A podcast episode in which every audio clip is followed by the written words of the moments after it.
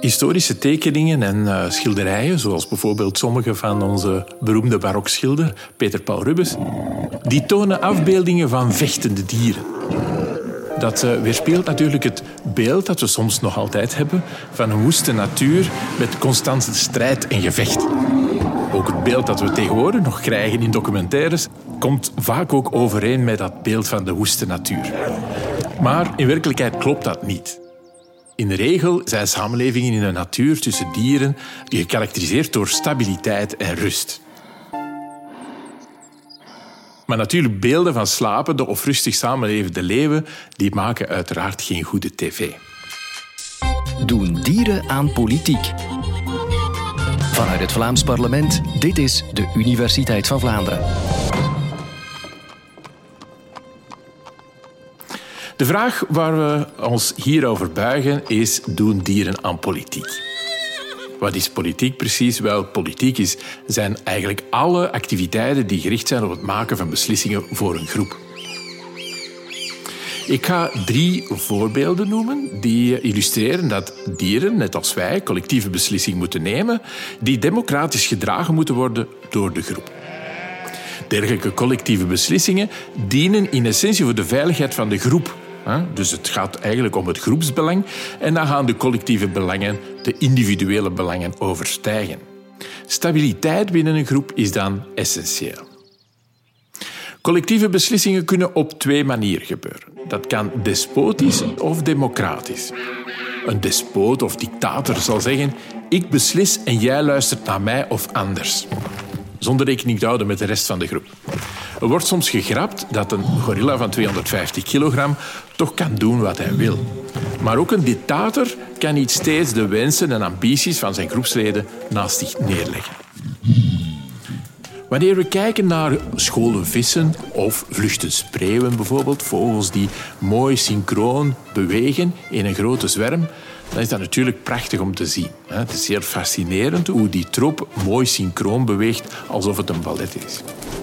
Die zwerm zorgt in essentie voor veiligheid tegen roofvogels bijvoorbeeld en zorgt dat de groep gezamenlijk in een bepaalde richting beweegt. 19e-eeuwse biologen te tijden van Darwin die dachten dat een verborgen leider in zo'n zwerm voorkomt die de richting bepaalt. Nu weten we, dankzij moderne, onder meer wiskundige analyses, dat er in dergelijke zwermen geen leider nodig is.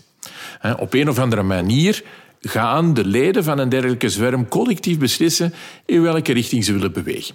Wiskundige analyse wees uit dat lokale interactie tussen onmiddellijke buren de richting van de zwerm bepalen. Dus het is eigenlijk, bijvoorbeeld wanneer het om ja, die, die vogels gaan, die samen in een zwerm vliegen, dan kijken de onmiddellijke buren naar elkaar. Dat zorgt een, een soort van samenhorigheid, een, een dynamiek van samen bewegen. En die dynamiek die gaat zich uitspreiden over de groep. Dat zorgt voor een zekere dynamische beweging die we recent pas dankzij wiskundige analyse zijn beginnen begrijpen. Conflicten kunnen natuurlijk ook voorkomen omdat niet noodzakelijk elk lid van die zwerm in dezelfde richting wil bewegen. Die moeten dan wel efficiënt worden opgelost door collectieve beslissingen. En het blijkt ook dat democratische beslissingen, die dus gedragen worden door de ganse zwerm, voor meer cohesie zorgen dan despotische beslissingen. Freeriders, individualisten in zo'n groep, die zullen natuurlijk de groep uiteentrekken. Ze spelen natuurlijk wel een belangrijke rol, dergelijke individualisten, maar er moet uiteraard een evenwicht zijn tussen initiatief en conformisme. En soms gaan inderdaad eh, beter geïnformeerde individuen, ik noem maar wat, bijvoorbeeld de vogels aan de zijkant, die dan een roofvogel kunnen zien afkomen, die gaan informatie hebben die andere leden, bijvoorbeeld vogels in het midden van de zwerm, niet hebben. Wel, dergelijke geïnformeerde individuen die kunnen wel een belangrijke invloed hebben op de beweging van de zwerm, maar weer gaat het om lokale interacties die een collectief karakter krijgen om de beweging van de zwerm te leiden. De tegenstrijdige preferenties, dus de conflicten waar ik daarnet van sprak, die moeten snel en efficiënt worden opgelost, want anders gaat zo'n groep uiteenvallen. Dus er moet een zekere consensus bereikt worden en dat is eigenlijk een eenvoudige manier om aan politiek te doen. Een grote groep van spreeuwen of vissen, kan alleen blijven bestaan wanneer er democratische beslissingen worden genomen die de groep aaneenhouden. De mooiste voorbeelden wellicht van politiek bij dieren vinden we bij onze naaste verwanten, de apen en de mensapen. Een bekend voorbeeld en al een voorbeeld van lange studie zijn grijze langoeren, een apensoort die heel talrijk is in India, die in grote, stabiele gemeenschappen leven met dominante mannetjes, vrouwtjes, alfasse dieren en jongen. Het zijn soms troepen van 40 tot 50 individuen, waar soms machtsovernames gebeuren, die vaak gradueel zijn, maar meestal zonder al te veel geweld gebeuren.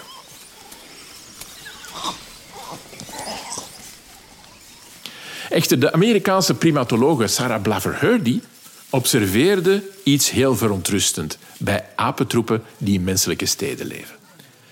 Die apen leven natuurlijk op een heel andere manier dan in de vrije natuur. Er is weinig plaats voor hen. Er is veel verstoring. Ze worden soms weggejaagd door mensen van markten enzovoort. En wat Hurdy opmerkte, was dat er bij dergelijke troepen een kindersterfte was van 83 procent. Wat natuurlijk enorm is, veel groter dan apen in de open, vrije natuur. Dergelijke troepen bleken ook op zeer despotische manier geleid te worden. Er waren zeer frequent agressieve overnames, waar de dominante mannetjes werden verdreven door bendes van mannetjes in de buurt, een soort van hooligangroepen, die continu die groepen belagen. Dus die groepen staan extreem onder druk. Er is heel veel agressie, is heel veel competitie. En natuurlijk, wanneer een dergelijke groep op agressieve manier wordt overgenomen door een nieuwe leider, dan zijn de meest kwetsbare individuen natuurlijk de pasgeboren jongen. En die zijn natuurlijk dan de pineut, die zijn ook vaak het slachtoffer. Dergelijke dramatische illustratie illustreert natuurlijk dat conflict en agressie de sociale structuur destabiliseert, met alle gevolgen van die.